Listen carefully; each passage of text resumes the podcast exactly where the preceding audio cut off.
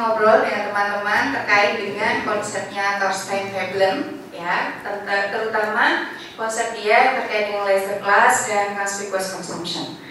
Jadi pagi-pagi sudah bicara soal konsumsi gitu ya, jadi nanti keluar kita bisa langsung praktek gitu ya, praktek konsumsi. Nah, ini Thorstein Veblen ya. Uh, ini adalah seorang ekonom dan juga sosiolog, tapi sepertinya dia lebih banyak dikenal sebagai sosiolog gitu ya. Dia uh, adalah orang keturunan Norwegia, tapi dia uh, bermukim dan menjadi akademisi di Amerika. Nah, ada beberapa buku sebetulnya yang dikeluarkan oleh Veblen. Nah, ini buku dia yang pertama, The Theory of Laser Class. Ini ditulis tahun 1899. Nah, uh, hari ini kita akan diskusi tentang uh, konsep di buku dia, Theory of the Laser Class. Tentu saja bukan semua hal yang ada di buku ini, tapi saya menggarisbawahi untuk konsep dia tentang laser class dan yang conspicuous consumption-nya. Nah, apa sebetulnya yang dilihat oleh Veblen Eh, ketika dia bicara tentang laser class pada saat itu dia sebetulnya memberikan kajian tentang apa yang terjadi ya fenomena sosial yang terjadi di New England Amerika Utara pada akhir abad ke-19 New England ini kan sekarang menjadi wilayahnya United States ya yang berbatasan dengan uh, New York dan di utara berbatasan dengan Kanada Quebec ya Nah, New England ini adalah menjadi koloni pertama yang paling awal dari uh, kolonial British ya di wilayah Amerika. Nah, apa yang terjadi di New England akhir abad ke-19? Nah, pada saat itu Veblen melihat bagaimana New England di era Second Industrial Revolution. Karena memang kalau kita bicara wilayah Amerika yang menjadi kunci dari revolusi industri, tempatnya adalah di New. Nah, Second Industrial Revolution ini adalah uh, lanjutan gitu ya dari revolusi industri pertama yang bermula di London di Inggris.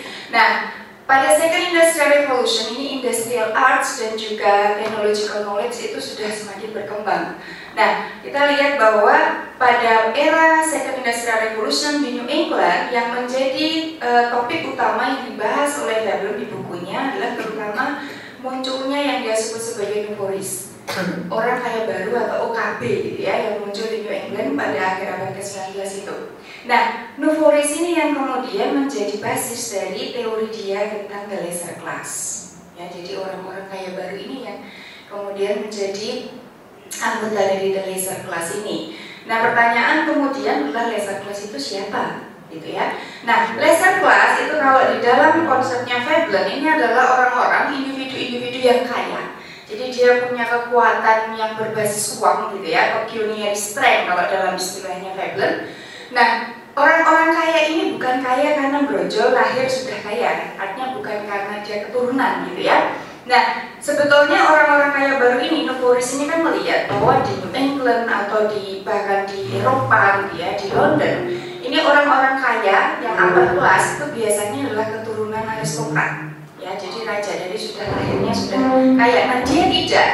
Laser class yang jadi Nouveauris ini adalah orang-orang yang berhasil menaikkan posisi sosialnya, status sosial yang menjadi lebih baik, dia lewat hard working gitu ya, kerja keras, dan dia melakukan akumulasi kapital. Nah, karena dia sudah kerja keras dan dia merasa perlu untuk membedakan dirinya dari orang yang sudah lahir kaya, gitu ya, dia merasa perlu kemudian untuk membuat artikulasi posisi sosialnya Caranya gimana? Ya dengan melakukan display, mendemonstrasikan kekayaan, kekuatan uang yang dia punya. Jadi dia merasa perlu untuk melakukan itu. Supaya apa? Supaya orang lihat bahwa saya sudah sukses loh gitu. Bahwa saya sudah bisa berhasil loh. Karena apa? Saya kerja keras. Kan seperti itu. Nah, artikulasinya gimana? Nah, ini yang menarik menurut saya. Artikulasi yang dilakukan uh, oleh jalur Foris ini, mereka melakukan imitasi ya meniru perilaku konsumsi dan gaya hidup dari European upper class gitu. Jadi yang menjadi rujukannya adalah European upper class. European upper class itu siapa? Nobleman, orang-orang aristokrat. Ya, kerajaan-kerajaan monarki Inggris misalnya itu yang perilaku perilakunya yang kemudian ditiru. Nah, perilaku meniru European upper class itu menjadi semacam shortcut gitu ya untuk tadi meneguhkan melegitimasi bahwa saya sekarang sudah kaya loh. Gitu. Nah, ini yang basis uh, ketika dia bicara tentang laser class. Nah, ketika dia mulai berbicara tentang laser class dan perilaku konsumsi dari laser class, sebetulnya Veblen ini titik berangkatnya dari faktor produksi. Apalagi kalau kita lihat konteks sosial di New England akhir abad ke-19 yang dia bilang ini adalah era di mana second industrial revolution terjadi. Ya, itu adalah proses di mana industrialisasi di Amerika mulai berkembang dengan besar. Nah, pada saat itu ya proses produksi yang terjadi uh, di dalam masyarakat industrial Amerika, menurut Faber perlu dibedakan antara yang namanya bisnis dengan industri. Karena ini ternyata beda. Kalau kita kan memandangnya industri itu ya bisnis gitu ya. Tetapi ternyata Faber melihat ini dua hal yang berbeda sebetulnya. Bedanya di mana? Nah, aspek produksionisme yang dipegang oleh Veblen ini terlihat dari asumsi dia bahwa sebetulnya setiap manusia itu punya insting yang dia sebut sebagai workmanship. Insting workmanship itu seperti apa? Insting untuk menggunakan ya barang sumber daya ya secara efektif dan efisien untuk kepentingan masyarakat. Jadi uh, workmanship kalau orang punya insting workmanship orang jadi kreatif gitu. Bagaimana ya caranya saya bekerja supaya saya bisa mendapatkan hal yang banyak gitu ya, tetapi dengan waktu yang singkat, jadi efektif dan efisien, mengefektif dan mengefisienkan kerja. Nah, dengan adanya insting workmanship ini, orang kan kemudian mulai mengembangkan cara ya misalnya apa bagaimana ya caranya saya kalau memproduksi kue tapi saya tidak boros tepung misalnya gitu. Nah dengan cara-cara mulai mencari pengetahuan-pengetahuan baru untuk kerja ya supaya mendapatkan hasil yang lebih efektif dan efisien pengetahuan dan pengetahuan teknis pun kemudian menjadi bisa berkembang karena ada insting ini gitu. Nah persoalannya kemudian ketika masuk ke dalam sistem industrial mestinya menurut Faber Sistem industri itu basisnya juga pada workmanship, sehingga orang mulai mikir bagaimana caranya memproduksi barang secara efektif dan efisien. Tetapi efektif dan efisien bukan untuk kepentingan pribadi saja, tetapi untuk kepentingan populasi, kepentingan komunitas, kepentingan umum, supaya orang kemudian bisa mengakses barang dan jasa dengan mudah, ya bisa memenuhi kebutuhannya dengan mudah.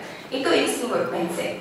Nah, kita lihat, kalau kemudian sistem industrial orientasinya pada workmanship, maka menjadi mulia kan sebetulnya industri ini, karena kepentingannya kan menjadi kepentingan populasi. Ya, yang dipikirkan adalah bagaimana caranya masyarakat bisa mengkonsumsi barang harganya tidak mahal, kan seperti itu.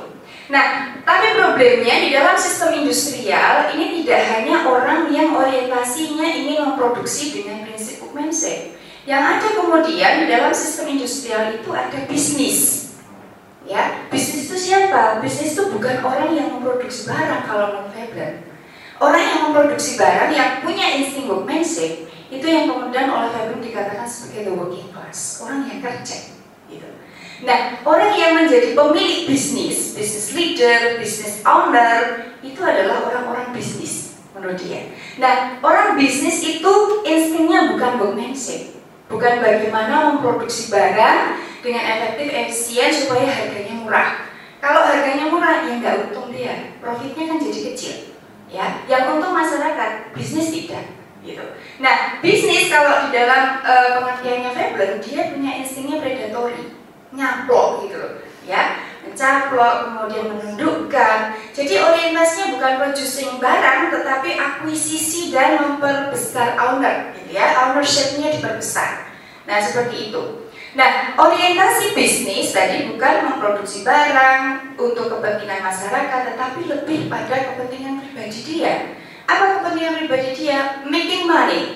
Maka yang dikatakan oleh tadi pecuniary strength, kekuatan yang berbasis uang. Ya, making money, profit, bukan pada making goods. Kalau making goods itu adalah orientasinya orang yang memproduksi tadi, ya, industri. Kalau orientasi bisnis adalah memperbesar keuntungan, memperluas sayap-sayap bisnis, ya seperti itu. Jadi kan kalau orang bisnis kemudian pakai atau melihat insting yang workmanship, memperluas atau memperdalam cara-cara memproduksi, meningkatkan pengetahuan teknis untuk kemudian barang bisa diproduksi banyak, harga menjadi turun, masyarakat bisa mengakses produk, ya rugi mereka nggak suka. Yang mereka inginkan itu justru membatasi produksi supaya apa? Kalau produk nggak banyak di pasar, harga bisa dipertahankan, ya kan? Harga makin tetap tinggi.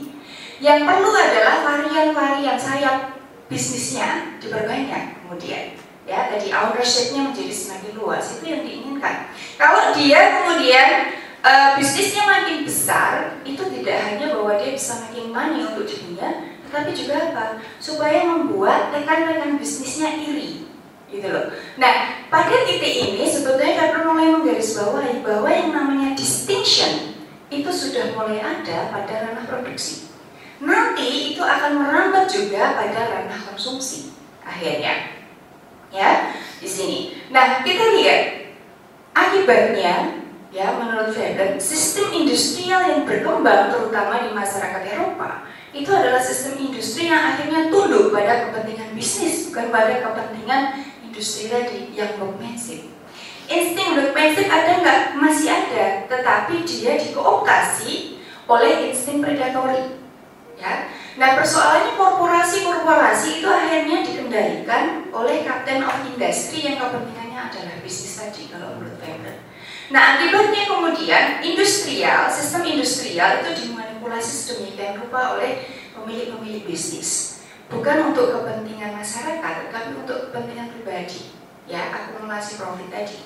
Nah, itu yang kemudian membuat orientasi bisnis dalam kacamata Weber itu menjadi parasitik dan eksploitatif. Ya, kenapa parasitik dan eksploitatif? Ya tadi orang disuruh kerja bukan untuk kepentingan sosial dia, kebaikan sosial dia, tetapi lebih untuk keuntungan dari yang punya bisnis, gitu. Jadi parasit. Eksploitatif juga, kenapa? Karena kemudian kepentingan bisnis yang mencoba membatasi produksi, tetapi memperluas sayap bisnis, itu membuat masyarakat diminta ya untuk mengikuti logika-logikanya orang bisnisnya. Gimana logikanya? Logikanya adalah kemudian untuk mengkonsumsi, untuk memproduksi barang-barang yang kadang-kadang nggak jelas lagi sebetulnya kepentingannya apa untuk kehidupan manusia. Ya, misalnya apa? Kalau kita lihat di dalam contoh e, masyarakat kita sekarang ini selfie. Coba tongkat narsis itu toksis itu apa sih kepentingannya untuk kehidupan sosial? Apa sih? Gak ada. Tapi kan kita diminta untuk punya kebutuhan itu dan kita beli gitu. Ya kan? Belum lagi nanti uh, tongsisnya warnanya macam-macam tadi Mbak. Upi tadi saya bilang oh jangan-jangan punya tongsis warnanya pink. Ya, ternyata bulan yang punya tongsis warna pink gitu ya. Nah, ini selfie stick atau tongsis ini pun jadi sebuah kebutuhan baru. Nah, ini kan menjadi ridiculous gitu ya Nah ini yang kemudian membuat masyarakat menjadi tidak lagi mengacu pada kepentingan-kepentingan yang kebaikan buat dia apa gitu. Karena yang baik dan buruk itu akhirnya kemudian dikendalikan oleh bisnis. Atau ini misalnya, kepentingan untuk punya ketek putih, tidak ada bulunya gitu. Ya kan? Ini baru untuk perempuan, yang laki-laki lama-lama juga gitu kan. Anda jangan salah loh, nanti 10 tahun lagi Rexona ini, Rexona Formen kan sekarang udah ada dia belum declare ya bahwa laki-laki anda juga nggak boleh loh punya ketek berbulu dan hitam ya tapi kan kalau anda lihat modelnya ya kan pakai Rexona Formen itu sekarang sudah bersih itu dari bulu ya dan sudah putih juga jadi ini juga kebutuhan baru jadi makin aneh gitu kan nah ini yang oleh Weber dan pada masa itu gitu ya itu dikatakan sebagai satu upaya bisnis yang membuat orang itu diajak untuk e, melakukan perilaku-perilaku yang justru detrimental gitu ya, merusak gitu. Nah, atau apalagi misalnya ini loh salon kuku gitu, kok kuku aja dikasih perlakuan ya, ada salon khusus itu kepentingannya apa ya untuk kehidupan masyarakat? Gitu kan ada semuanya, ya kan? Tapi kan makin aneh-aneh seperti ini. Belum lagi sekarang yang lebih kontroversial karena saya ini e, orang yang senang lihat iklan gitu ya. Di iklan itu banyak sekali yang sedang kontroversial sekarang. Salah satunya adalah bagaimana kita bisa memutihkan uh, kulit di daerah V gitu.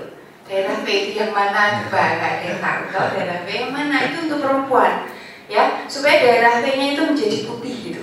Jadi ada krim-krimnya, ada salonnya juga, itu kan macam-macam jadinya. Ya, jadi hal-hal yang tadinya kita nggak kepikiran jadi kemudian dimunculkan di dalam bisnis ini. Nah ini, nah akibatnya apa? Ketika kemudian di dalam sistem industrial terbagi, ya ada yang punya kepentingan bisnis yang instingnya adalah predatory tadi, dan juga orang yang punya kepentingan industrial sebetulnya, tapi instingnya adalah insting workmanship. Akibatnya masyarakat kalau di dalam konteks uh, akhir abad ke-19 yang diamati oleh Weber, masyarakat itu menjadi terbelah terbelah menjadi dua kelas, ya. Kelas apa? Yang pertama yang disebut sebagai leisure class. Leisure class, ya. Yang kedua adalah yang disebut sebagai industrious class atau working class di sini. Ya, jadi masyarakat ini di dalam konteks uh, apa sistem industrial Amerika akhir abad ke-19 awal abad 20 itu terbagi menjadi dua ini leisure class dan industrious class nah yang leisure class itu yang seperti apa leisure class ini adalah yang terdiri dari business owners kemudian business leaders ya dia berangkatnya tadi dari aspek produksi dulu gitu ya business owners dan business leaders Nah, kalau yang industrious class yang mana? Ya yang productive laborers, tenaga kerja yang produktif, yang memproduksi barang, ya yang aktif, punya skill, ya pokoknya yang goto gitu loh kalau orang Jawa bilang, yang harus kerja gitu, ya. Nah, kita lihat kalau di dalam lesser class instingnya itu adalah predator. Kalau instingnya predator ya tadi dia nyaploi tadi ya, ya mengakuisisi, menundukkan, ininya seperti itu. Tetapi kalau yang industri class tidak, dia instingnya workmanship tadi yang sudah saya jelaskan. Ya. Nah, kita lihat orientasinya tadi making money, pecuniary, ya, dan untuk kepentingan pribadi. Sementara kalau yang industri class tidak, dia orientasinya produksi making good untuk kepentingan bersama, ya. Tidak hanya sekedar untuk saya bisa mengkonsumsi, tapi juga semua orang bisa mengkonsumsi, harganya bisa murah, gitu ya. Semua punya akses gitu. Nah, kita lihat di dalam laser class. Nah, ini dia sudah mulai masuk kemudian aspek awal yang dibahas sama dia adalah aspek produksi. Nah, aspek produksi ketika kemudian produksi itu dikendalikan oleh insting predator, ya, itu memunculkan perilaku konsumsi juga tertentu di dalam laser class. Apa kemudian konsumsinya? Konsumsinya adalah konsumsi yang berlebihan, yang wasteful, itu yang boros gitu. Kenapa harus boros lah? Punya uang kok, gitu ya pioneer strength tadi loh dia punya kekuatan uang kok jadi ya harus boros lah gitu nah kalau yang industrial class apa survival and productive consumption survival itu supaya dia bisa bertahan hidup tetapi yang productive consumption itu gini loh saya mengkonsumsi supaya saya bisa terus kerja kalau saya nggak konsumsi nggak sehat nggak bisa kerja ya gitu kan nah di sini ini bedanya ya Nah, laser class ini tadi orang-orang yang business owners itulah Nuforis yang berkembang luar biasa pada akhir abad ke-19 di New England. Ya, mereka inilah laser class inilah. Nah, laser class inilah yang kemudian ya menciptakan ya perilaku-perilaku konsumsi yang kemudian akan dibahas lebih detail lagi di dalam konsep yang dia sebut sebagai conspicuous consumption. Sampai sini dulu mungkin. Ada yang mau ditanyakan dulu? atau lanjut saja? Lanjut saja ya. Nah, kita lihat sekarang conspicuous consumption. Conspicuous consumption itu adalah konsumsi yang dilakukan oleh leisure class, ya, yang di, uh, diinisiasi oleh leisure class. Kenapa leisure class ya? Dia yang punya uang kok, gitu kan? Dia yang pecuniary strength-nya tadi. Nah, kita lihat, karena dia adalah orang kaya baru, dia lahir itu belum kaya gitu loh, tadi ya. Brojol itu belum kaya jadi dia kerja dulu baru dia kemudian bisa ngumpulin uang, ya. Maka kemudian dia perlu menunjukkan ini loh posisi dari status sosial saya sudah lebih baik. Maka untuk menunjukkan itu dia harus mendisplay kekayaannya, mendemonstrasikan kekayaannya, mendemonstrasikan pecuniary strength-nya, gitu. Ya, jadi apa yang dia punya itu akan menentukan posisi dan status sosialnya apa yang dia bisa tunjukkan bahwa dia punya uang ya itu akan membuat masyarakat percaya tentang posisi dan status sosialnya gitu. Nah, display of wealth itu dilakukan dengan cara apa? Yang pertama adalah conspicuous laser. Nah, conspicuous laser itu sebetulnya adalah konsumsi juga, tetapi konsumsi waktu luang kan gitu. Konsumsi waktu luang yang mencolok gitu ya, yang dilakukan sebetulnya oleh European upper class jadi di awal saya sudah bilang laser class ini kan meniru gitu ya perilaku-perilaku konsumsi dari uh, European upper class. Nah, kalau kita lihat keluarga kerajaan aristokrat gitu ya, itu kan kalau dia menghabiskan waktu luangnya ini kan dengan kegiatan-kegiatan yang orang-orang kelas bawah tidak akan bisa. Atau sekarang misalnya main polo gitu ya, kayak Pangeran William dan Kate Middleton itu kan main polo gitu kan Kan bukan main apa sih, bukan main basket, tidak. Basket itu bagian dari tidak bisa dilakukan karena di luar tradisi kerajaan. Tapi kalau polo, berburu misalnya, ya itu adalah perilaku-perilaku laser yang menunjukkan posisi kelas. Ya, upper class melakukan itu. Nah ini juga yang kemudian dilakukan. Cuman persoalannya, kalau kemudian New England akhir abad ke-19 itu kan masuk era modernisasi, ya sudah ada industri. Kalau makin modern, masyarakat kan menjadi makin anonim. Gimana saya bisa cerita bahwa eh saya kemarin hunting loh gitu, kok kenal aja enggak? Kan kalau bisa cerita itu kan kalau bisa ngobrol duduk bareng. Oh saya ngapain kemarin saya ke salon kuku misalnya, kan nggak bisa dong. Nah, maka kemudian yang dilakukan selain conspicuous laser adalah conspicuous consumption dalam pengertian mengkonsumsi goods barang gitu. Karena kalau di dalam masyarakat yang makin anonim, masyarakat yang makin modern yang tidak saling kenal satu sama lain, tidak lagi kolegial, yang penting kan saya nunjukin saya bawa apa, saya punya apa, saya pakai baju apa, saya pakai uh, sepatu apa, ya kan, perhiasan saya kayak apa. Cuman gitu aja, saya sudah cukup bisa menunjukkan ini saya punya uang kan, gitu. Tapi kalau laser ya tadi kan saya butuh kenal dulu, butuh waktu untuk ngobrol dulu baru saya bisa cerita ke anda. Oh saya kemarin cruising tuh. Gitu. Kalau enggak nggak bisa. Masa anda mau bawa-bawa ya ke mana-mana kan nggak mungkin. Ya kan? Nah ini, jadi ini loh cara display of well ya yang digarisbawahi oleh Fairbairn itu lewat dua hal ini conspicuous laser, conspicuous consumption. Nah ini yang kemudian dia sebut sebagai wasteful consumption, unproductive consumption konsumsi yang tidak produktif. Kalau Anda misalnya melakukan e, tindakan atau perilaku di e, laser Anda, di waktu luang Anda, tetapi itu adalah sesuatu yang tetap membuat Anda harus kerja, harus produktif, itu belum termasuk conspicuous laser. Misalnya apa? Nah ini Mbak Arum nih e, dosen gitu ya, saya mau cuti dulu, saya mau menikmati laser gitu kan. Nah yang dilakukan apa Mbak Arum di laser? Bikin proposal kalau bikin proposal ya bukan kan coba anda tidak menikmati masa sih mbak benarkah membuat proposal itu harus sesuatu yang mendatangkan kenyamanan kayaknya enggak ya ya kan itu bukan conspicuous laser bukan laser kelas itu itu masih working class gitu kalau menurut uh, ya kan? Kenapa? Karena masih produktif kan? Anda masih melakukan sesuatu ya? Nah laser itu yang betul-betul anda melakukan sesuatu yang membuat anda nyaman happy happy gitu loh ya? Tadi misalnya spa pijat-pijat anda kan senang-senang aja ya? Ya kayak gitu gitu jadi nah jadi kalau anda melakukan tadi sekali lagi anda spending time tetapi untuk sesuatu yang menghasilkan uang itu bukan laser kalau menurut Hebron bukan laser tidak. Itu kerjaannya yang industrial class bukan kerjaannya laser class gitu ya. Nah sama juga kalau misalnya laser itu apa? Saya mau uh, les gitu ya. Les apa? Les bahasa bahasa apa? Prancis ah biasa Prancis sekarang semua orang sudah belajar bahasa Prancis distingsinya di mana? Jadi bedanya apa dong laser kelas sama yang lainnya Bung Anda yang lain sudah pada les bahasa Prancis nah, saya untuk menunjukkan bahasa beda loh saya punya sesuatu yang lebih dibanding Anda maka saya lesnya bukan Prancis apa? Misalnya Ibrani kuno misalnya. Iya. Hal-hal yang yang orang nggak pikir gitu loh. Ya hal-hal yang orang nggak pikir. Entah anda mau pakainya kapan nggak penting kan itu bukan soal fungsionalitas. Ini hanya soal mau mendisplay mendemonstrasikan bahwa saya bisa ini loh gitu.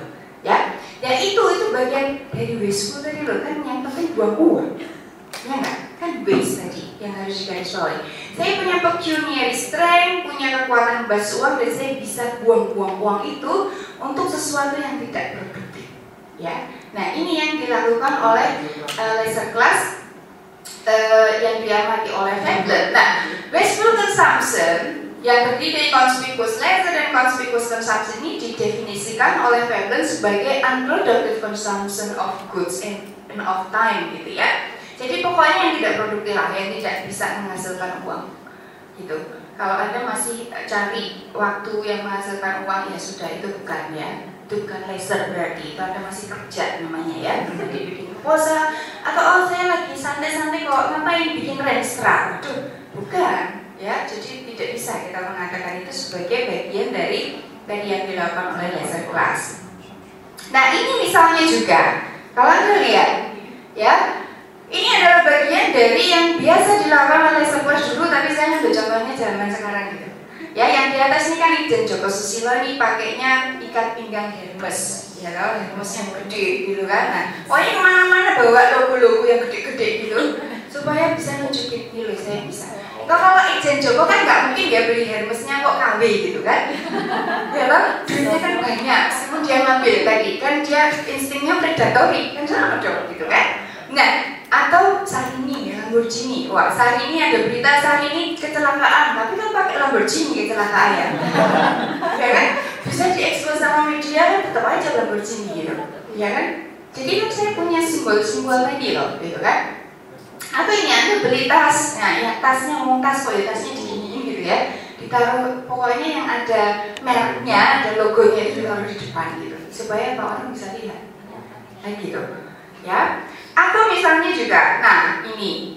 Kalau leisure time itu Anda tinggal di Aman Jiwo yang sekali yang paling murah itu karenanya dulu loh ya, sekarang mungkin udah naik lagi dulu 15 juta. Ya, itu yang paling murah.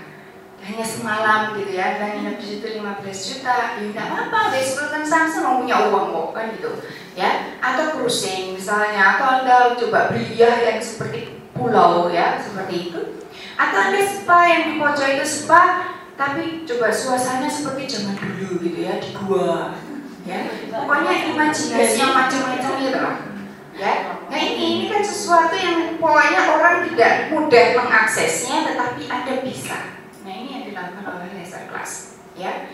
Atau juga apa? Anda sering lihat that Downtown Abbey ya kalau saya bisa meng-hire ya pekerja-pekerja untuk melayani saya itu juga bagian dari bagaimana saya bisa menunjukkan ya kekuatan uang yang saya punya.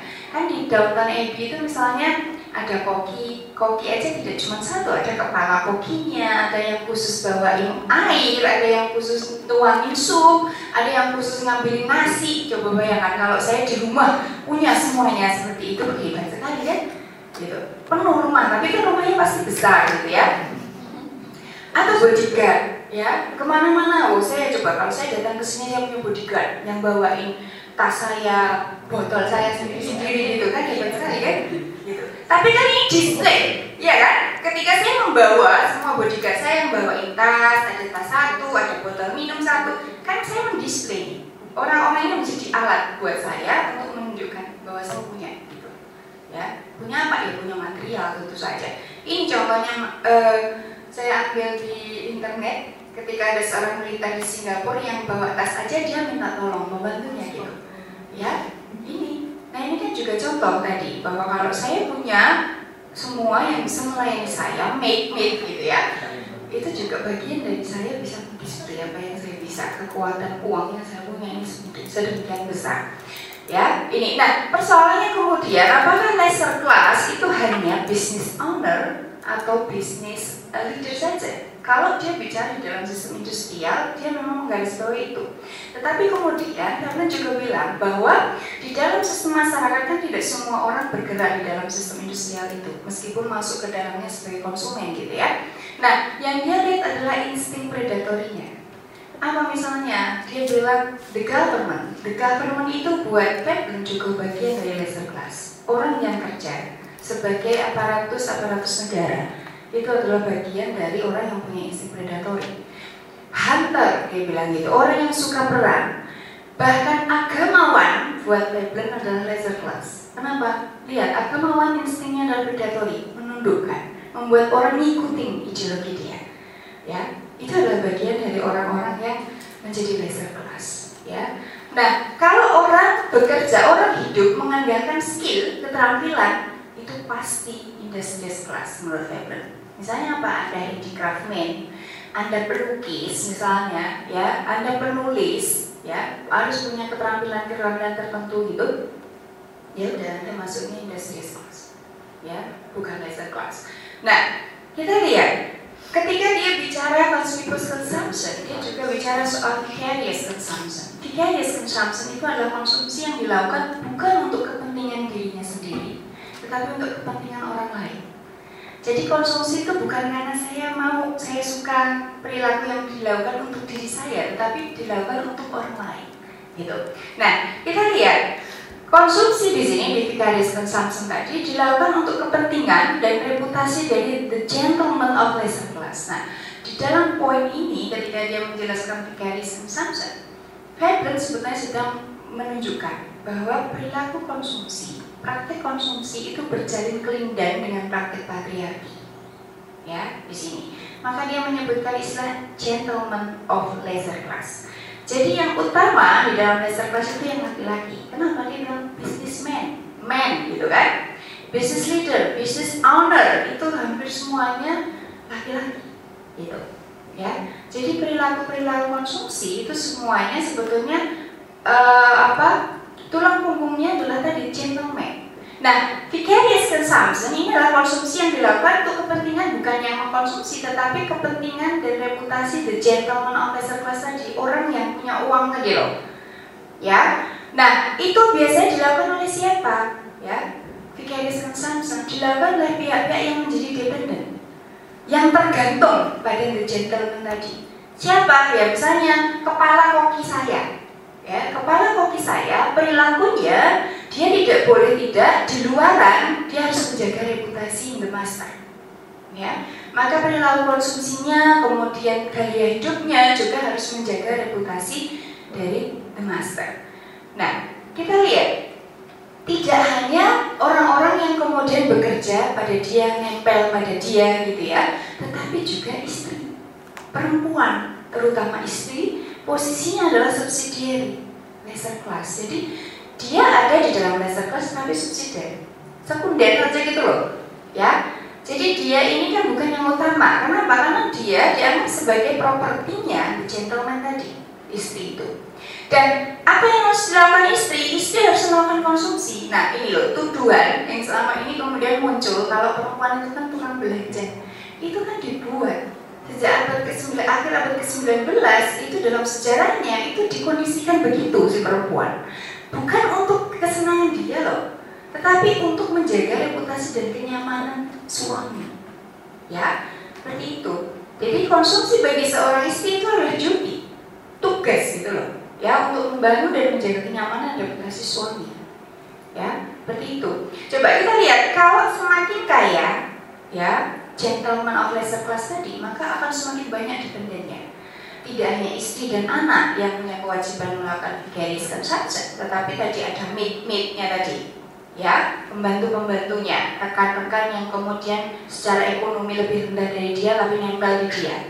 Tetapi semakin kecil kekayaan dari orang yang masuk di dalam lesser class tadi, maka kemudian tugas utama vicarious consumption diberikan pada siapa? Istri terutama ya. Jadi istri itu kan um, posisinya menjadi ambigu.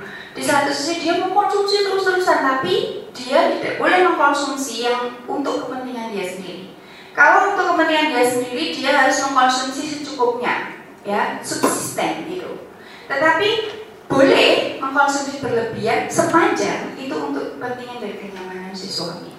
Ya, ini jadi uh, di dalam konteks uh, apa namanya teks-teks praktek atau uh, perilaku konsumsi, Veblen ini adalah salah satu pemikir yang sebetulnya mengkritisi tadi bagaimana konsumsi dengan patriarki itu berjalan kelindan dan itu sangat merugikan perempuan sebetulnya, ya di sini. Nah, kita lihat konsep lain yang juga menarik eh, ketika dia mulai bicara lesser class dan conspicuous consumption adalah soal social emulation emulasi. Emulasi itu kan sebetulnya meniru gitu ya. Nah, kita lihat ketika dia mulai bicara ada conspicuous consumption, orang mengkonsumsi berlebihan, mencolok gitu ya. Itu sebetulnya ada dua motif kalau menurut Butler. Motif utamanya apa? Yang pertama adalah untuk menciptakan invidious distinction. Distingsi yang membuat orang lain jengkel gitu kan. Invidious distinction itu saya beda dari kamu loh, bukan gitu.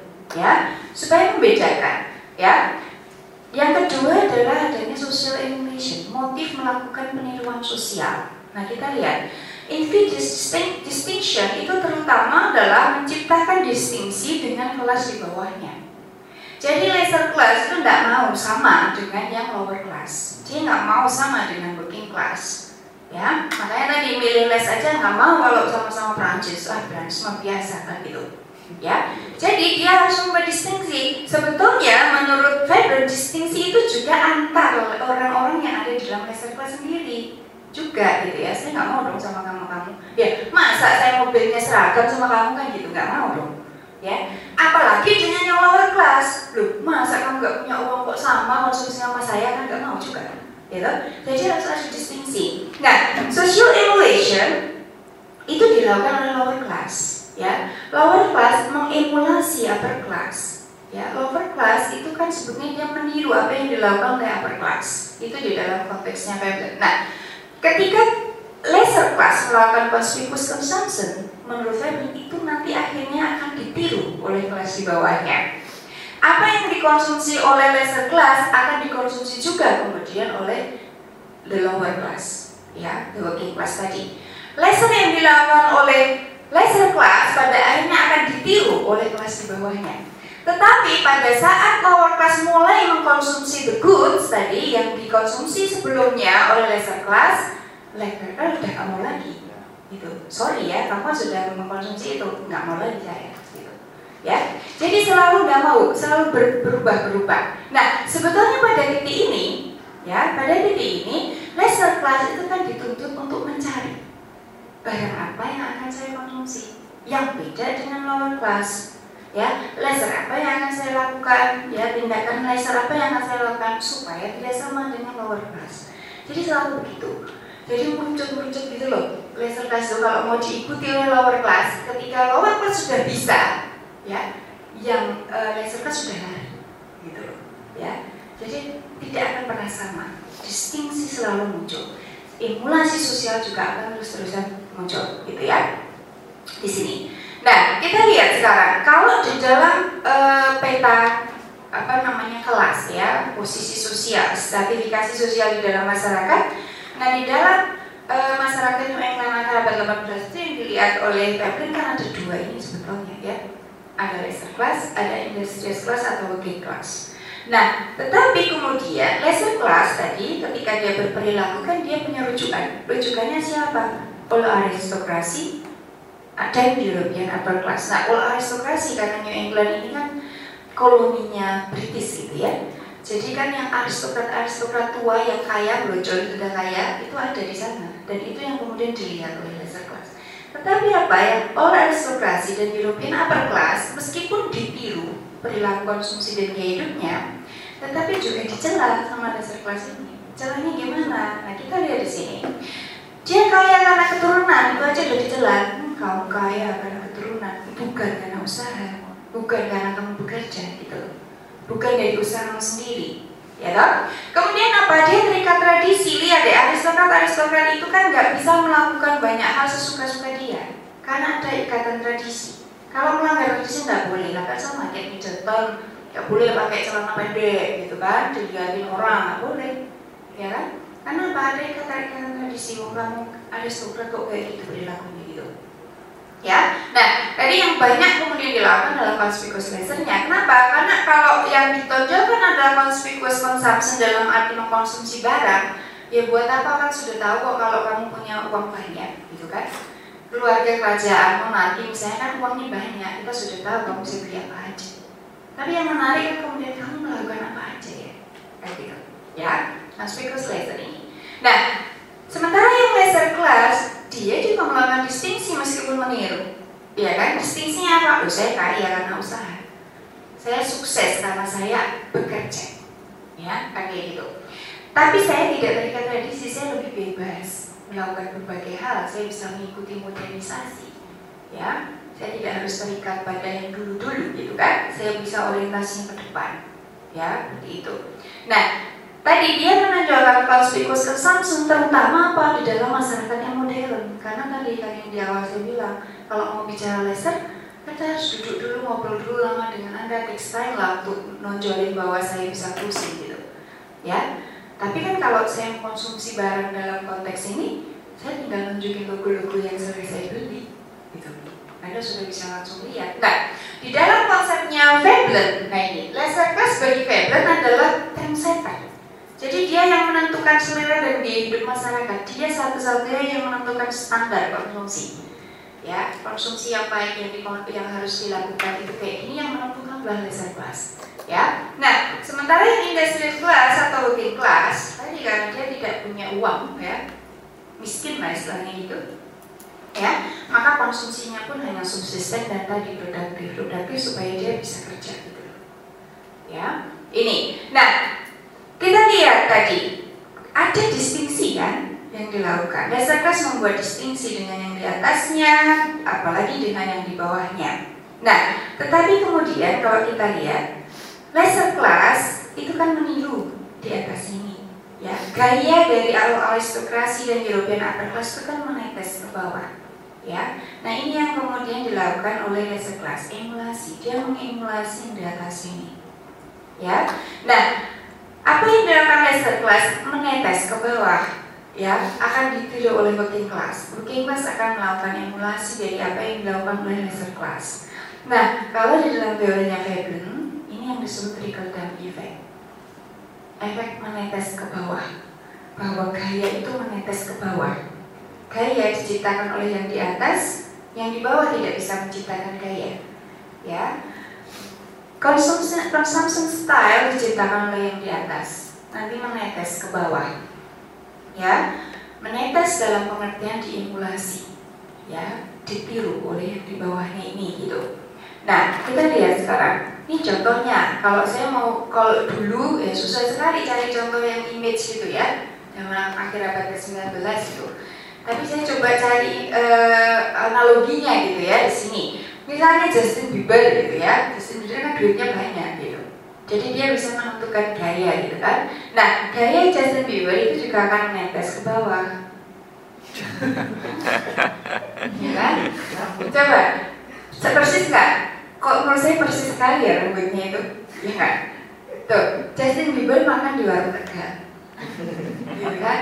Nah Justin Bieber asli ya nggak tahu warung tegal itu apa Indonesia ada apa something something gitu. kan Nah, ini. Ini juga kalau kita lihat Berberi misalnya sebagai penanda dari kelas atas gitu ya harganya batal gak ada berapa Berberi sama Louis Vuitton itu. Ya harganya berapa? Berapa Bi? 90-an juta coba bayangkan. Tapi kan punya uang gitu ya nggak apa-apa gitu kan. Kan wasteful consumption tadi tapi coba kita lihat gaya itu juga menetes ke bawah karena bisa tas kredit murah. ya kan?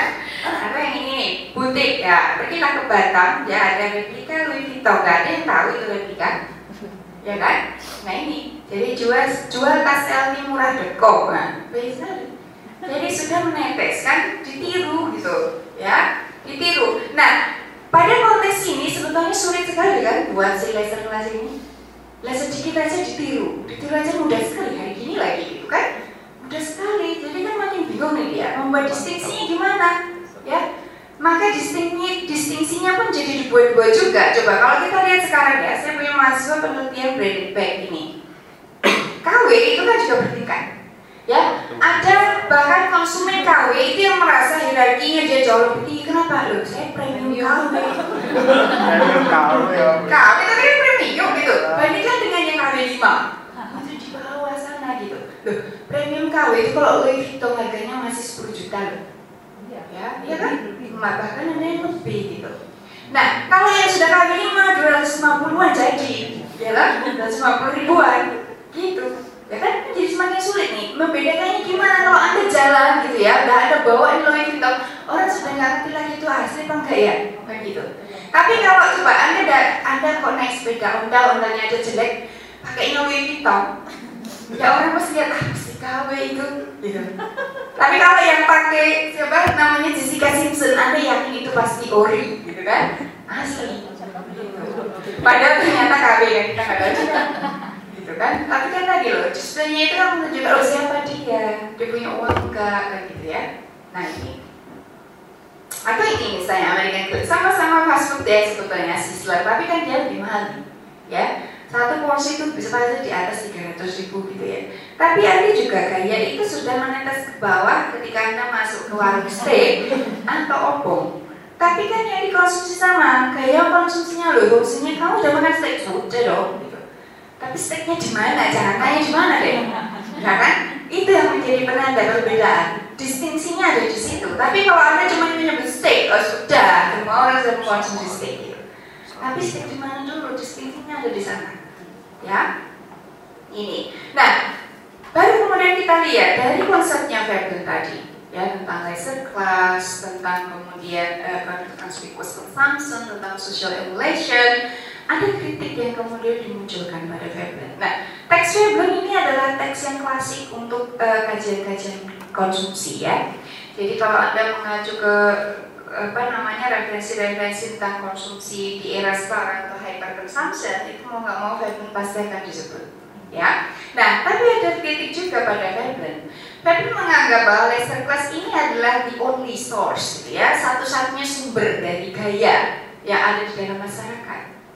Ya, seolah-olah juga tidak ada sumber yang lain. Semua penentunya adalah laser class. Jadi sangat determinan gitu. Ya, posisi dari uh, laser class itu menjadi sangat determinan. Ya, ini, ini kritiknya dia. Padahal kalau uh, pada dia Padahal kalau kita lihat zaman sekarang, apalagi di era media, sumber gaya itu banyak sekali. Ya, sumber gaya itu banyak sekali, tidak harus dari kelas di atasnya, bisa horizontal juga, ya kan? Atau bahkan dari bawah, kadang-kadang. Ya, sumber gaya itu bisa datang dari mana aja, apalagi ada media. Media bisa macam-macam, sosial media apalagi. Ya, kita bisa meniru gaya uh, atau barang yang dikonsumsi dari banyak pihak, tidak hanya dari kelas yang di atas kita gitu. Nah, Frederick juga menganggap bahwa the lower class itu jadi tidak punya selera. Dia hanya bisa meniru, hanya bisa melakukan tapi dia nggak punya selera sendiri. Dia tidak punya gaya hidupnya sendiri gitu loh. Ya, padahal kalau kita lihat ya, kalau kita mau bicara persoalan taste, persoalan uh, lifestyle, ya masing-masing strata itu kan punya sendiri-sendiri sebetulnya ya punya sendiri-sendiri ini dan bahkan kadang-kadang ketika dia oke okay, dalam beberapa hal dia akan meniru tetapi juga ada apropriasi misalnya apa kalau kita lihat kita pernah dengar fitness yang di gang apa di gang buntu yang di Semarang gitu ya gorila ya gorila itu oke okay, dia gaya fitnessnya itu dia memang mengacu ke media. Jadi dia di sana ada mahasiswa dan di sana itu ada majalah-majalah fitness. Itu di sana. Dan majalah itu kan majalah untuk middle class. Kemudian rejim-rejim fitness itu alat-alatnya itu kan mahal ya dan dia mengacunya memang pada kelas di atasnya tapi dia membuat modifikasi ya jadi caranya yang untuk barbel yang gede banget itu dia pakai semen ya kemudian dia las sendiri pakai eh, besi-besi ya jadi ada banyak hal kemudian juga protein nah kalau anda di rejim fitness rejim of fitness protein itu kan pakai apa? Pakai obat-obat atau suplemen-suplemen itu ya mahal ya. Kalau dia nggak pakai apa? Tempe, ya tempe atau putih telur. Cuman karena yang situ yang datang adalah tukang-tukang becak, dia bilang kalau tiap hari makan telur ya susah. Maka kadang-kadang kalau pas nggak ada uang ya tempe cukup kan protein yang penting, gitu. Nah terus juga kalau anu ada harus ada kardio dulu pemanasan gitu kan. Kalau di sana loh saya nggak punya waktu kan saya harus kerja Oh, namanya juga tukang gendong, tukang beca yang masuk ke situ. Kalau pakai kardio segala, habis waktunya hanya untuk olahraga. Urusan saya bukan soal badan. Itu saja buat saya sudah resistensi loh. Itu ada sudah ada negosiasi di sana. Urusan saya bukan hanya urusan badan, tapi saya juga butuh badan yang sehat dan segar, gitu kan? Nah maka dia kardio di skip, nggak usah pakai kardio. Loh, kalau nggak pakai kardio apa nggak cedera? Nyatanya enggak, dia bilang gitu. Jadi jangan-jangan kardio itu bentukannya rejim of fitness gitu Ya, dia nggak usah pakai itu bisa. Kemudian apa lagi? Kalau di dalam rejim of fitness itu semua tubuh itu harus proporsional tuh.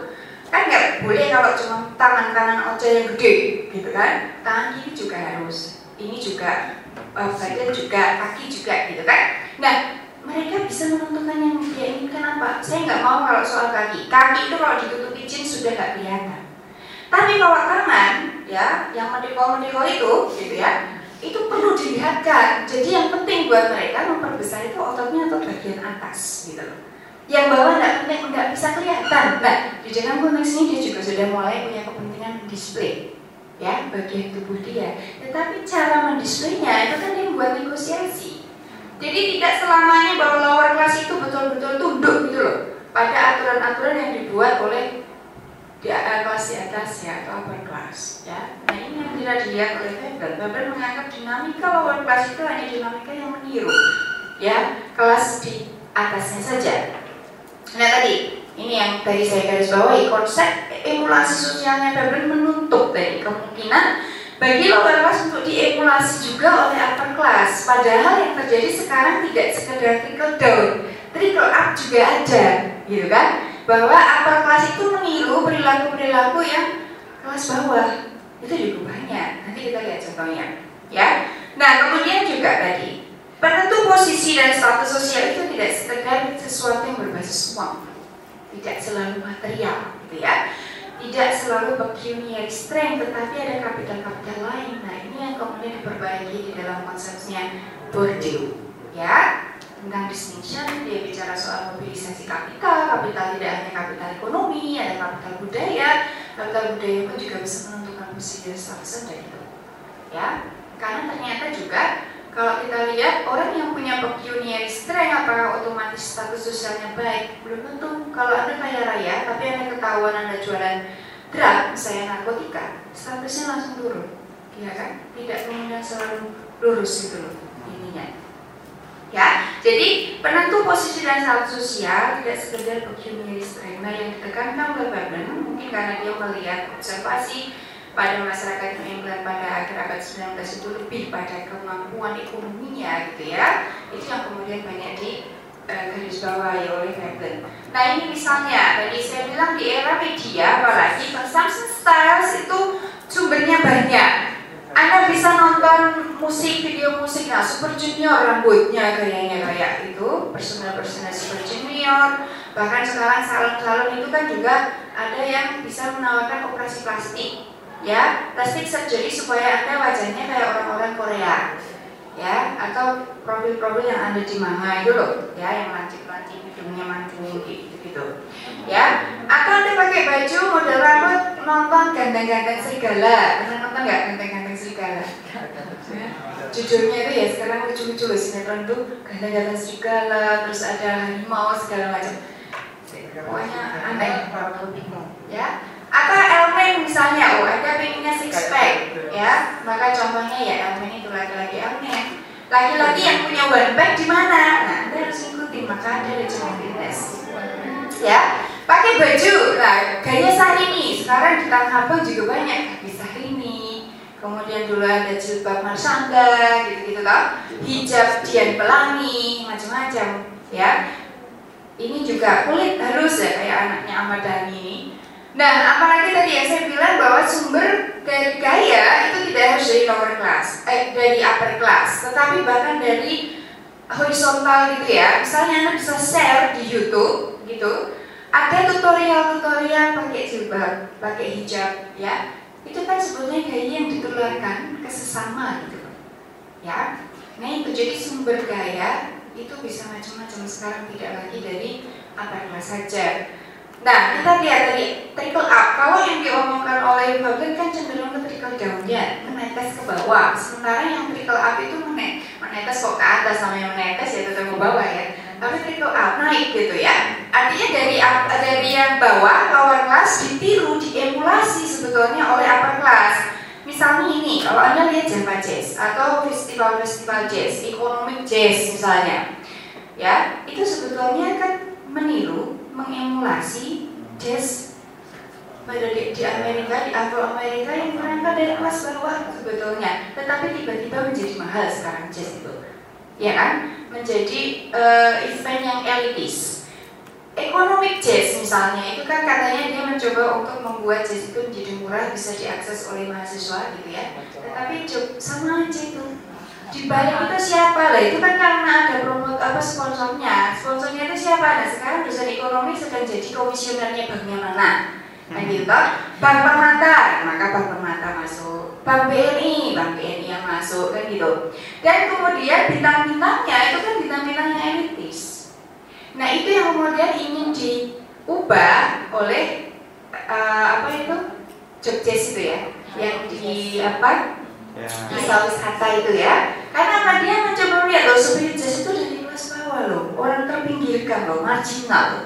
Gitu kan? Maka dia kemudian ingin mengembalikan itu spiritnya di bawah di desa gitu ya. Tapi itu pun juga menjadi problematik ketika desa itu dianggap bawah gitu. Ya desa kota kota itu menjadi kelas yang lebih baik daripada desa ya. Kayak gitu.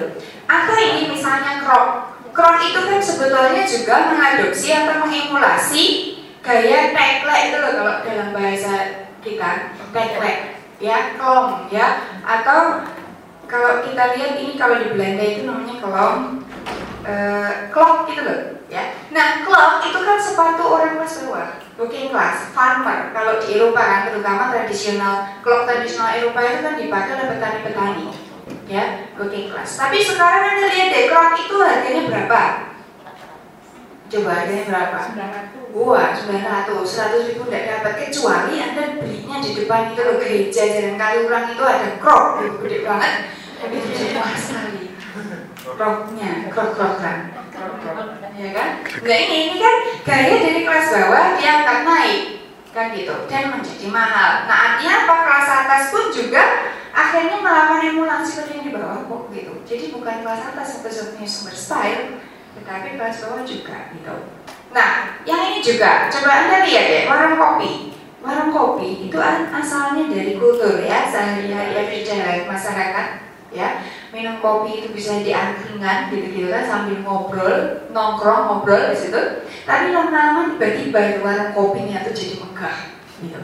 Kemudian Starbucks gitu kan. Nah, ini kan menjadi berubah gayanya itu kan diemulasi, ditiru. Tetapi kemudian yang sudah diemulasi oleh kelas atas itu juga akhirnya turun lagi ke bawah ketika dia kemudian lihat ini.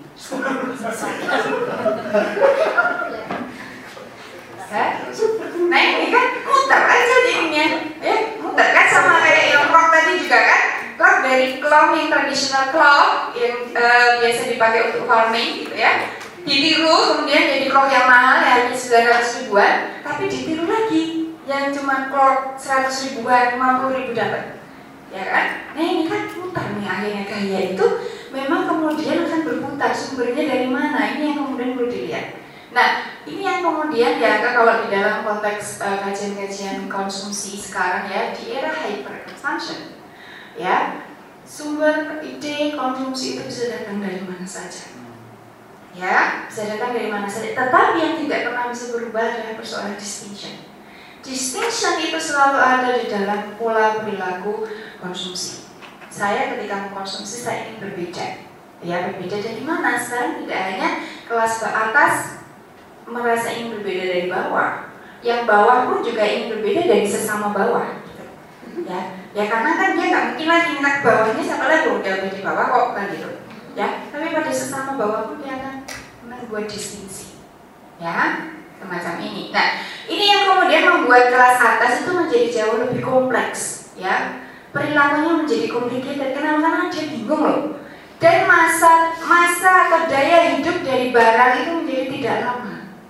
Jadi dengan cepat dia harus mengubah. Nah, tetapi ada culture industri sekarang, industri budaya yang kemudian memberikan ide-ide, ya, membantu kelas atas itu tadi membangun distingsi-distingsi baru, ya, seperti itu. Lewat iklan, lewat TV, lewat film, lewat majalah, ya, Anda diminta untuk ber, apa, mengubah berbagai hal itu, ya, itu.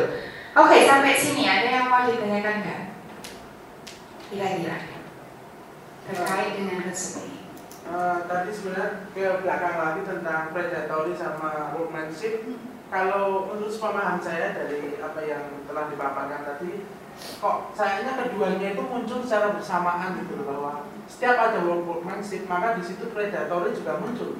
Tapi masalahnya apakah predatory itu diexercise atau tidak itu itu menurut apa yang saya pahami apakah si si, si Veblen sendiri me- me- melakukan garis yang apa itu yang jelas antara ini workmanship apakah ini predatory seperti itu? Ya, di dalam bukunya dia Theory of the Reserve Class itu sebetulnya dia juga bicara soal evolusi sosial, ya perkembangan masyarakat. Mulai dari masyarakat eh, apa zaman batu, kemudian hunting, sampai ke era industrial. Nah, ketika dia menjelaskan perkembangan masyarakat, dia menjelaskan di seputar dua insting itu, ya, insting predatory dan juga insting workmanship. Cuma persoalan di setiap era mana yang lebih dominan, yang workmanship atau yang predatory. Tetapi bukan berarti kemudian yang satu tidak, kalau yang satu dominan yang satu hilang tidak. Selalu ada dua itu. Sama seperti di dalam konteks hunting, misalnya era hunting, itu kemudian yang yang lebih menonjolkan insting predatorinya ya kan? Tetapi pada masa sebelum hunting, ya ketika zaman batu orang masih workmanshipnya membuat barang, membuat teknik, teknis, teknis itu loh, cara mengolah sesuatu. Jadi workmanshipnya yang kemudian lebih menonjol. Tetapi apakah predatorinya nggak ada? Ada, tapi tidak dominan. Nah, yang kemudian dia bahas di dalam sistem industrial itu, ya, dia bilang bahwa ini yang kemudian menonjol, ya, yang mengkooptasi itu adalah ya predatory, tetapi yang mindset tidak hilang. Tetapi dia bilang bahwa pada dasarnya, ya, setiap manusia itu punya insting yang mindset. Itu yang baik menurut dia. Ya, maka industri itu kalau dia basisnya tetap pada mindset itu akan menghasilkan kesejahteraan bersama. Tetapi yang ada kemudian tadi uh, insting predatory yang dimiliki oleh pemilik-pemilik modal tadi loh, itu yang kemudian merusak. Ya, jadi dia tidak membuat batasan kemudian mana e, kapan dia menonjol, kapan tidak menonjol. Dia melihatnya pada perkembangan sejarah masyarakat ini loh. Ya, lebih ke situ. Oke, uh, tadi kita kembali ke gaya hidup tadi. Sekarang ini kita melihat kondisinya ada orang mengatakan uh, apa namanya penyakit itu penyakit yang aneh-aneh sekarang itu karena gaya hidup. Hmm. Dan kemudian setelah melihat itu orang kalangan atas itu cenderung atau yang bisa dikatakan bukan yang kalangan atas yang menengah ke atas itu cenderung melihat oh ternyata dulu ketika zaman dulu penyakit itu tidak banyak segala macam dan ini berarti kita harus kembali seperti zaman dulu hmm. itu kan ini seperti yang, yang tadi ya yang muter lagi jadi apa yang dilakukan oleh masyarakat tradisional dulu itu ditiru hmm. oleh masyarakat kelas atas nah di sini ini ketika proses meniru ini apakah ada apa ya seperti distingsi juga di sini? Hmm. Ya, mungkin contohnya seperti ketika orang memilih back to nature ya. misalnya, atau uh, apa memilih untuk mengkonsumsi barang-barang organik gitu ya, itu juga lifestyle ya. ya. Jadi ketika ada lifestyle yang uh, merusak ya destruktif tetapi kemudian muncul sebagai konternya kemudian muncul gaya hidup baru kayak gitu ya.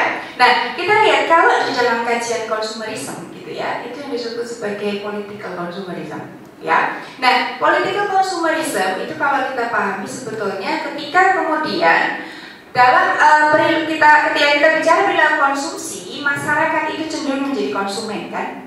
Kita diajak untuk mengkonsumsi ini mengkonsumsi itu gitu ya. Kita hanya sekedar konsumen. Kadang-kadang kita kemudian menjadi uh, istilahnya dikatakan sebagai konsumen duk gitu.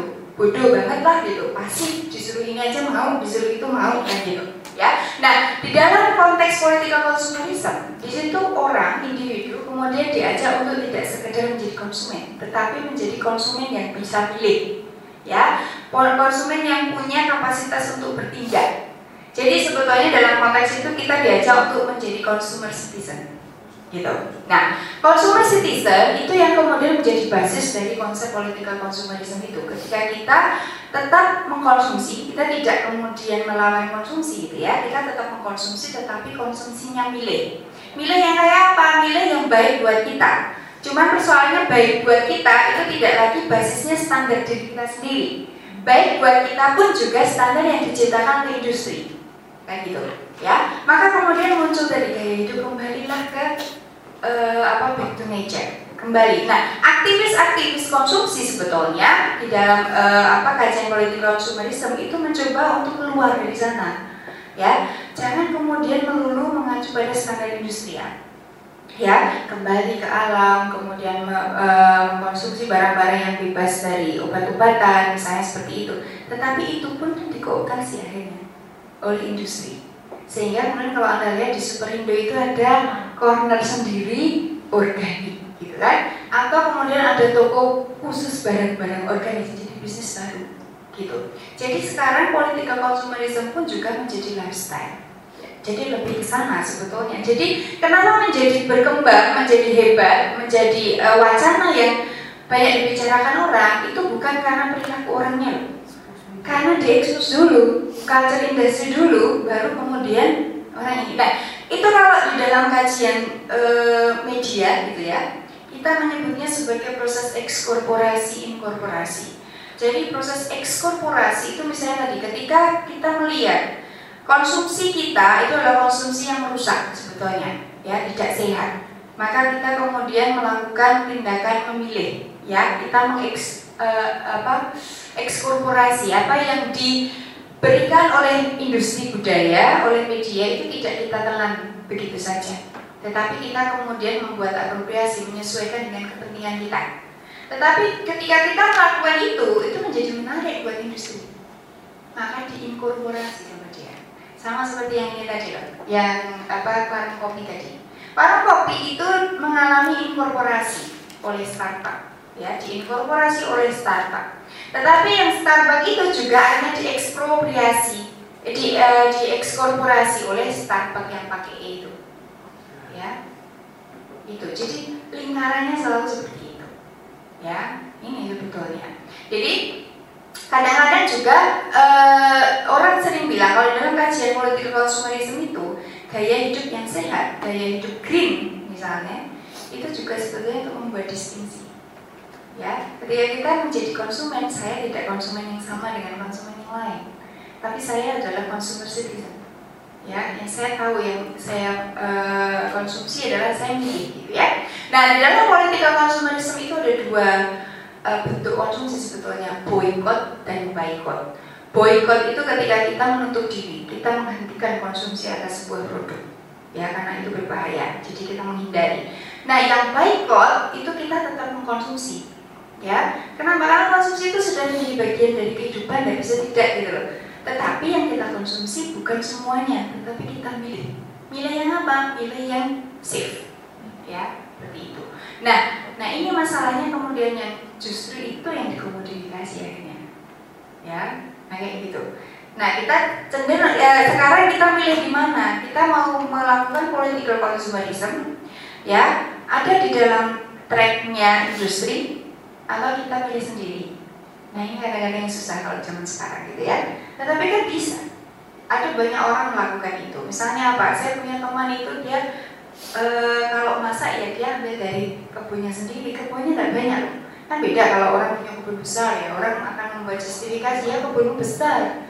Dia nggak besar kebunnya. Dia pakai apa namanya pot-pot kecil gitu tapi dia punya bayam punya tomat dan dia masak selalu dari situ jadi organiknya dia organik buatan dia sendiri bukan label kalau di Superindo kan kita nggak tahu tuh organik tapi benar nggak organiknya kan nggak tahu cuman kita sering tutup mata kan yang penting organik nah, gitu ya tapi itu membuat kita seto, kita sendiri merasa safe. Kan gitu. Jadi kita nyaman buat kita sendiri. Padahal nyamannya kita itu nyaman industri ya. Gitu. Ya. Nah ini yang sering kita tidak sadar gitu ya. Nah, itu. Mbak. Lalu distingsi itu sendiri sebenarnya itu alamiah atau dibuat ya? Coba, kalau kalau kata Bordio, Anda harinya Bordio Coba. Kalau sih mengatakan itu e, bisa apa ya kalau saya setelah membaca buku dia itu apa namanya itu seperti dapat dikatakan dia kalau dia menolak ini apa given ya hmm. bukan jadi itu seperti dibuat gitu. hmm. ya sebetulnya sama dengan Veblen ketika dia bicara soal selera. Ya selera itu bukan given bukan datang dari sononya tetapi kan dikonstruksi. Distingsi kan juga gitu kenapa sih orang jadi butuh beda? Kan bukan dari solonya kamu harus beda beda. Tetapi bahwa kemudian ada upaya untuk membuat saya berbeda kenapa menjadi sama? Ya itu kan berarti saya posisinya di dalam stratifikasi sosialnya itu kan menjadi susah ini warnanya gimana karena di dalam masyarakat kita itu kan selalu ada hierarki begitu ya toh? Nah, untuk menunjukkan hierarki ini, posisi, posisi sosial Anda di mana? Setiap orang itu kan perlu posisi. Posisi di dalam masyarakat itu ada posisinya di mana? Nah, untuk menunjukkan posisi, Anda perlu kemudian membuat identifikasi. Sama seperti ketika pertanyaan soal identitas. Ketika kita bicara identitas, kita sudah berbicara different. Saya, kenapa saya? Karena saya bukan kamu. Saya itu karena begini, begini, begini. Kalau bukan begini, begini berarti bukan saya. Jadi selalu di dalam identity ada different. Gitu. Konstruknya begitu. Ya. Jadi ini yang kemudian menjadi basis dari distingsi tadi. Selalu mencari perbedaan. Ya, persoalannya kan kemudian yang terjadi apakah distingsi itu harus kemudian e, konotasinya jelek? Kan sebetulnya tidak. Tetapi yang terjadi kalau beda itu harus disamakan. Kan kebutuh, e, ada keinginan begitu. Kamu beda kamu beda kamu menjadi lian, menjadi other, padahal tidak harus. Kan gitu. Nah, di dalam problem di dalam stratifikasi sosial kan ketika berbeda menjadi other ya beda itu misalnya kalau di dalam persoalan kelas strata sosial berbasis kelas karena saya punya lebih dibanding kamu maka saya dianggap punya ke, uh, apa namanya lebih dalam berbagai hal dibanding kamu. Padahal belum tentu ya ini yang kemudian diperbaiki oleh Bourdieu sebetulnya. Orang yang kaya belum tentu lebih pintar daripada yang tidak kaya. Ya kan? Tapi kalau orang berbasis kelas itu kan cenderung kalau saya kaya, saya bisa dapat apa saja, power saya jauh lebih banyak dalam konteks apa pun. Seolah-olah kan begitu. Padahal kan tidak. Gitu. Ya. Jadi distingsi juga konstruk sebetulnya. Kemudian ini berarti kan korban itu selalu masyarakat kelas bawah ya, di sini kita melihat di sini mereka selalu menjadi korban apakah itu korban lifestyle atau korban apa ya korban mereka ingin meniru, meniru tapi mereka kadang tidak mampu untuk hmm. untuk meniru dan juga mengikuti apa yang menjadi apa kelasnya dia hmm Ya, kalau Anda bicara dengan perspektif struktural ya. Ya. Jadi e, karena apa? Orang yang di kelas atas punya kuasa. Kuasa itu dimiliki kan gitu. Tapi kalau Anda pakai buku kan tidak. Ya, buku semua orang mempraktekkan kuasa termasuk yang di kelas bawah pun juga. Maka tadi kalau kita bicara soal yang fitness center yang di Semarang itu, kan kita bukan melihat dia sebagai korban, dia juga pelaku konsumsi, tapi pelaku konsumsi yang seperti apa? gitu. Nah, tetapi kalau di dalam uh, apa kita mengkajinya secara struktural, saya uh, apa di dalam konteks Marx misalnya Marx juga struktural ketika melihat masyarakat terbagi menjadi pemilik modal dengan uh, pekerja gitu ya. Kan seperti itu juga dia konstruksinya bahwa yang menjadi korban itu selalu kelas bawah, ya kan? Kelas bawah itu dalam pengertian yang bukan punya modal. Nah, neo kan juga begitu sebetulnya, tetapi basisnya bukan sekedar ekonomi, kalau Marxis seperti itu ya. Cuma memang eh, kajian-kajian uh, misalnya pemikir Frankfurt School ketika bicara soal uh, culture industry itu ya yang sebetulnya dimanipulasi oleh industri itu juga tidak sekedar kelas bawah loh. Kelas atas kan juga. Kan sama tadi yang Louis Vuitton tadi loh. Anda diminta untuk beli 80 juta, 90 juta hanya untuk sebuah tas yang pakainya aja cuma kadang-kadang misalnya. Ya, tetapi dengan begitu Anda menjadi gue banget gitu. ya kan? Itu kan juga manipulasi dan ketika saya nih contohnya, saya beli laptop bukan karena fungsinya. Gitu kan? Coba saya dikasih reason rasional ini ketika beli ini loh, Anda wanita karir loh, karir loh, gitu kan? Zaman sekarang mobile. Kalau Anda pergi ke mana-mana, Anda tetap sibuk bisa kerja, cari yang ringan gitu ya maka saya disuruh beli MacBook Air dan saya mau-mau aja. Malah happy gitu kan? Ini kan yang terjadi. Artinya bahwa kita ini sebetulnya mengalami indoktrinasi itu sudah beyond class. Itu tidak sekedar kelas bawah gitu. Bahwa orang yang punya uang justru yang kemudian diindoktrinasi kan? Belum lagi kita sudah terjebak sudah masuk ke sini. Kalau saya mau presentasi saya harus beli sendiri loh interface-nya. Ya loh tapi mau-mau aja dia beli gitu. Terus kalau ingin program ini saya mau upgrade gitu ya. Tapi kalau upgrade itu nanti jadi lambat. Kalau lambat ya sudah ganti yang baru aja oke deh gitu. Jadi tetap aja mau ya. Jadi justru kemudian orang yang punya uang ini yang diberi reason yang rasional. Supaya apa? Saya tidak merasa bersalah ketika mengeluarkan uang. Ya kan? Saya justru bangga ketika mengeluarkan uang itu gitu. Kan banyak sekali itu uh, tidak harus yang mahal-mahal kayak gini ini mahal loh buat saya ya gitu mungkin buat laser class gitu tidak mahal buat saya masih mahal tapi coba pons misalnya pons itu kan menjanjikan tujuh hari untuk yang usia kayak saya ya yang age miracle itu ya kan? Tujuh hari Anda bisa nampak 10 tahun lebih muda. Bayangkan, tapi setelah tujuh hari Sama 10 aja. tahun lebih muda nggak? Enggak, masih pakai masih. Kalau habis beli lagi, beli lagi. Bagaimana? Sudah ditipu malah senang gitu kan? Ditipu kok beli lagi gitu. Sudah jelas kok. Jadi kita dimanipulasi gitu, tapi nggak sadar. Justru Nah, gitu ya. Jadi eh, sebenarnya kalau bicara dalam korban semuanya jadi korban di luar eh, pemilik modal itu jadi korban. Gitu ya. Lebih. Ada lagi? Ada tidak? Ya, Mas. Apakah laser class itu selalu predator? Apakah dia kan di situ sangat hitam putih ya antara antara laser class dengan dengan working class seperti itu. Apakah laser class itu selalu predator? Ya, kalau ya, itu kritik pada Weber yang banyak dikemukakan, dia sangat hitam putih. Ya, ketika ke- dia kemudian dengan strict membagi masyarakat itu ke dalam dua kelas itu, laser class dengan working class. Yang laser class itu adalah orang yang punya insting predatory, yang dia punya akses yang sangat terbatas pada kerja-kerja produktif, ya. Sementara yang sebaliknya itu adalah yang working class yang dia instingnya lebih ke workmanship. Memang begitu. Itu kata eh, apa namanya Weber. Nah itu yang banyak memunculkan kritik pada Weber. Ya, karena dia meskipun dia bilang setiap manusia itu basisnya sebetulnya insting workmanship. Tetapi kalau kita bicara laser class yang dia garis bawahi adalah ketika predatory ini yang jauh lebih dominan. Sehingga dia bahkan tidak menyebutkan workmanship-nya laser class di dalam bukunya itu. Gitu. Mas, yang di bawah? kalau di negara yang memiliki sistem politik komunis sosialis gimana?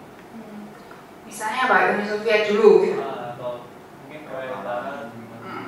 Ya, sama ketika dia bicara sekarang kalau di dalam sistem industrial yang namanya eh, orang atau pihak yang punya insting predatory adalah business leader atau business owner. Tetapi kan dia bilang juga siapa pun yang punya insting predator ya eh, itu yang menjadi dasar kelas. Dia menyebut government, state. Ya toh? Di negara komunis apa-apa diatur kan sama negara. Nah, gitu. Jadi yang eh, semuanya ditata oleh negara, nggak ada orang yang bisa pilih sendiri, semua jadi dipilihkan. Ya, untuk apa tuh menundukkan loh supaya rakyatnya nggak ribut aja gitu, ya kan? Nah itu juga sebetulnya predatorinya negara predatorinya. Gitu. Oh, kalau konsumsinya dikontrol oleh negara. Iya kan? Uni Soviet gitu ya, setahu saya Cina kan juga gitu ya. Anda mau konsumsi internet aja nggak bisa bebas kok. Di di Cina itu kan ditata betul diatur. Di Singapura juga loh. Singapura itu yang namanya kebebasan pers nggak ada. Ya, jadi kalau anda bahkan mau di Indonesia itu jauh lebih liberal dari berbagai negara yang dianggap liberal, ya. Kecuali untuk eh, playboy, gitu ya. Kalau playboy itu kan karena FPI marah-marah, kalau enggak enggak juga loh, gitu kan. Coba majalah L saja di Singapura itu dilarang. Kenapa? Karena dianggap vulgar. Ya, jadi eh, kalau kita lihat negara Singapura di dalam konteks kebebasan pers itu juga dia banyak uh, obstacle-nya banyak sekali. Tetapi kenapa masyarakatnya nggak ribut? Ya karena dia sudah kenyang perutnya, gitu. Ya? Kalau udah kenyang kan sudah ngapain tuh ribut ya udahlah, gitu. Dan di Indonesia kenyang aja enggak dilarang-larang. ya kan? Kan susah itu, gitu. Ya, ada lagi? Um, saya tertarik sekali dengan tadi yang trickle up dan trickle down tadi. Uh, selalu ada apro- apropriasi gitu ya, Uh, baik ketika mencontoh ke atas, uh, dari atas ke bawah maupun dari bawah ke atas. Kira-kira apa ada faktor-faktornya gitu? Apropriasi itu biasanya gitu uh, bentuknya bagaimana? Apakah setiap golongan itu melakukan apropriasi dengan cara yang berbeda? Distinctionnya ada atau tidak dalam Hmm. melakukan apropriasi? Hmm. Ya, Eh, tadi bahwa trickle up, trickle down itu selalu ada apropriasinya disesuaikan dengan kebutuhan sendiri. Tapi itu bukan menurut Veblen loh ya. Kalau Veblen kan selalu inflasinya sama persis gitu. Nah, apakah kemudian ada perbedaan? Tentu saja ada. Kalau saya saya akan memilih mengacu pada Bourdieu karena distinction itu akan juga dipengaruhi habitus. ya. Jadi pilihan-pilihan gaya kita, konsumsi kita juga mau tidak mau akan eh, apa terstrukturisasi gitu ya oleh habitus kita. Nah ini yang tidak dibahas oleh Veblen. Misalnya tadi, lower class akan mengemulasi upper class. Dengan mudah dia akan mengadopsi gaya. Padahal kalau menurut eh, Bourdieu tadi, karena habitus main itu tidak dengan mudah loh. Kalau anda orang yang miskin, tiba-tiba punya uang banyak sekali, ya anda kemudian tiba-tiba harus masuk ke dalam gaya-gaya orang kaya, masuk hotel mewah. Ini masuk ke kamar aja gimana caranya gitu ya, pakai kar apa itu kartunya itu. Kan belum tentu bisa. Dan belum tentu dia nyaman, ya kan? Kenapa? Karena tadi loh dia habitusnya kan nggak biasa dia gitu, ya makan. Makan itu dengan fine dining misalnya ya ada apa namanya appetizernya, ya keburu lapar biasanya makan juga langsung aja gitu kan ini bakal ada appetizer dulu, ada main course, ada dessert kan gitu ya. Ya, belum tentu. Jadi apropriasi itu akan selalu terkait dengan konteks sosial dia. Ya, jadi habitusnya dia seperti apa, masa kecilnya akan berpengaruh, siapa dia, dengan siapa dia hidup, lingkungan selama ini dia bergaul seperti apa, itu akan berpengaruh. Nah, itu yang kemudian menjadi menarik menurut saya ketika kita bicara praktek konsumsi di dalam berbagai level gitu ya, di dalam berbagai kelas, bahkan satu kelas saja perilakunya tidak sama, tidak mungkin, gitu. Ya, sama-sama misalnya saya makan di Namamia, itu apa namanya Bisaria itu gitu ya saya dengan Mbak Upi sama-sama ke sana pasti sudah lain yang dikonsumsi. Saya mengkonsumsi makanannya atau mengkonsumsi space-nya gitu ya konsumsi ruangnya di sana. Mbak Upi apa gitu? Jadi akan berbeda dan itu akan sangat dipengaruhi. Nah Mbak Upi misalnya lebih suka ke itu Paris bakery gitu kan karena dia belajar Prancis gitu kan. Saya tidak gitu. Nah itu juga kadang-kadang mempengaruhi jadi apropriasi itu akan sangat tergantung dari konteks individual juga. Dia tetapi individu tidak semata-mata bahwa dia adalah orang yang punya otoritas e, penuh gitu ya. Karena individu itu juga distrukturisasi oleh habitusnya gitu ya. Ada lagi? Kalau tidak ada gimana Mbak Sandy saya kembalikan ke Mbak Sandy atau bagaimana? Ada lagi sudah ya, oke. Saya minggu depan masih ya, Mbak Sandy ya. Minggu depan masih dan topiknya juga masih seputar lifestyle. Minggu depan saya rencana akan ngobrol dengan anda tentang enchanting the disenchantment of the world. Jadi saya ingin diskusi. Mungkin awalnya saya akan mengambil konsep disenchantment of the world-nya Weber, kemudian itu yang dia, uh, dipakai oleh Colin Campbell di bukunya dia yang mengapropriasi Weber gitu ya. Weber punya buku uh, Protestan Ethic in the Spirit of Capitalism itu diganti oleh Colin Campbell menjadi Romantic Ethic in the Spirit of Modern Consumerism. Itu jadi uh, dan itu yang kemudian dikompil oleh Joseph Litzer di buku dia uh, Enchanting the Disenchantment of the World. Saya ingin ngobrol tentang itu minggu depan gitu ya. Oke okay? terima kasih sekali untuk teman-teman